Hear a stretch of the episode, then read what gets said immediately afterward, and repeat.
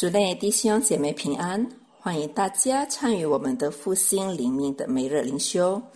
还没看视频之前，请大家首先把本日的经文读一遍，也请大家阅读本日读经运动的灵修短诗。我们今天复兴灵命的主题是明显与隐秘。阅读经文取自于《列王纪上》第八章第一节到二十一节。但是我只读第一节，然后接着读第九节到十一节。还没思想主的话语前，我们来祷告。我们在天上的父神，感谢主这向以来的保守与看顾。今天你又给了我们新的一天，又给了我们机会来亲近你。这时，我们预备好心领受你的话语。我们要像玛利亚那样。安静坐下来，倾听你要对我们说的话。求圣灵在我们心里动工，使得我们不仅能明白神的心意，同时有办法实行在我们的生活中。我们如此祷告，是奉主耶稣的名，阿门。列王记上第八章第一节：那时，所罗门将以色列的长老和各支派的首领，并以色列的族长。遭聚到耶路撒冷，要把耶和华的月柜从大卫城，就是西安运上来。第九节，月柜里唯有两块石板，就是以色列人出埃及地后，耶和华与他们立约的时候，摩西在何烈山所放的。除此以外，并无别物。祭司从圣所出来的时候，有云充满了耶和华的殿。甚至祭司不能站立供职，因为耶和华的荣光充满了殿。有一天夜晚，正好是明月，月亮又圆又明亮。我忍不住的拿把凳子坐在阳台，欣赏美丽的景观。突然飘来一片黑云，把漂亮的月亮遮住了，使得我看不见了美丽的明月。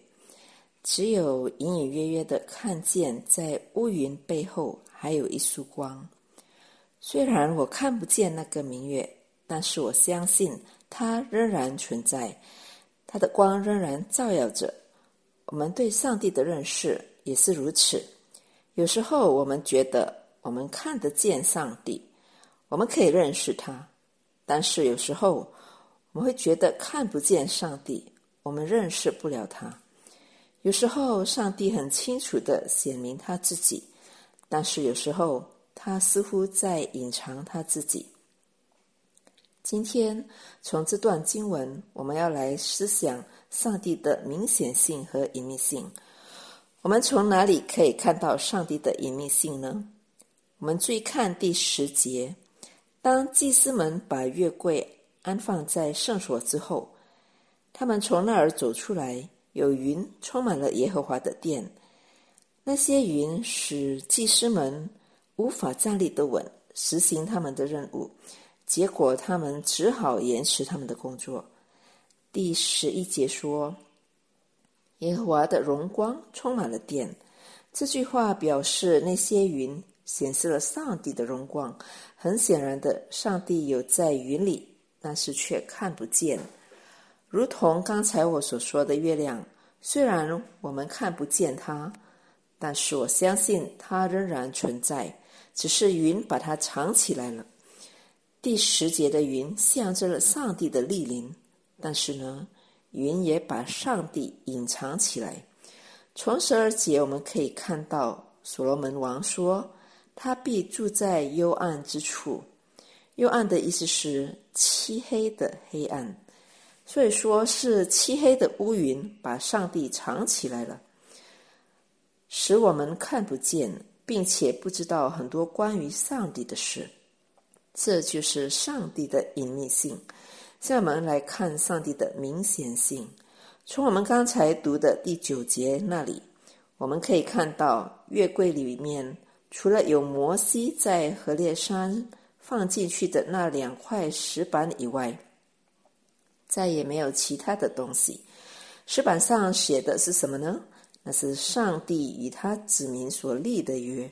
上帝亲手用他的指头写上他要对以色列民所说的话，要他们遵守的律律。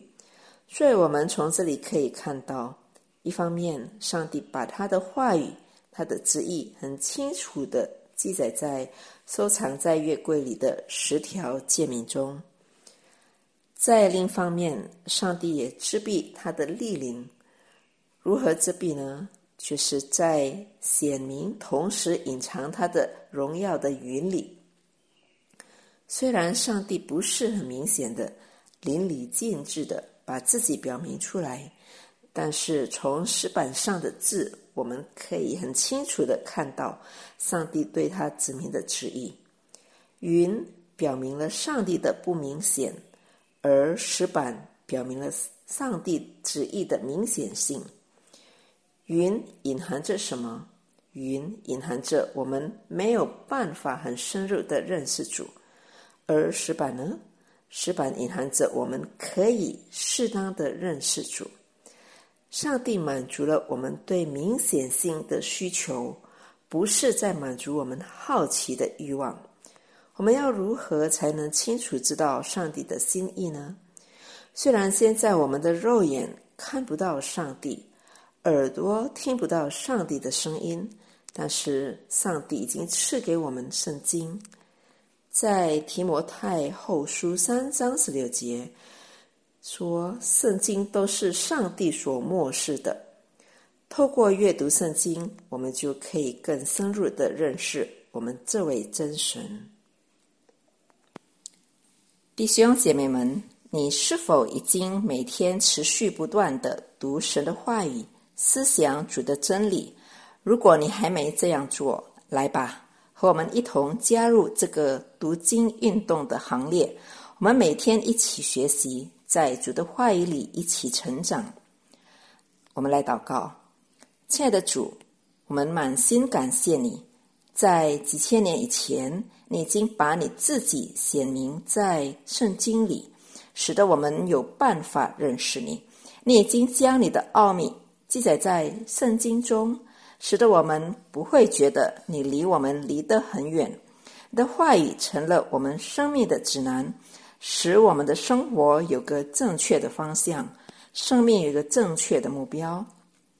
求你赐给我们一颗饥渴慕义的心，愿意学习的心，爱主的心，好让我们每天都愿意播出一段时间读神的话语，与主沟通。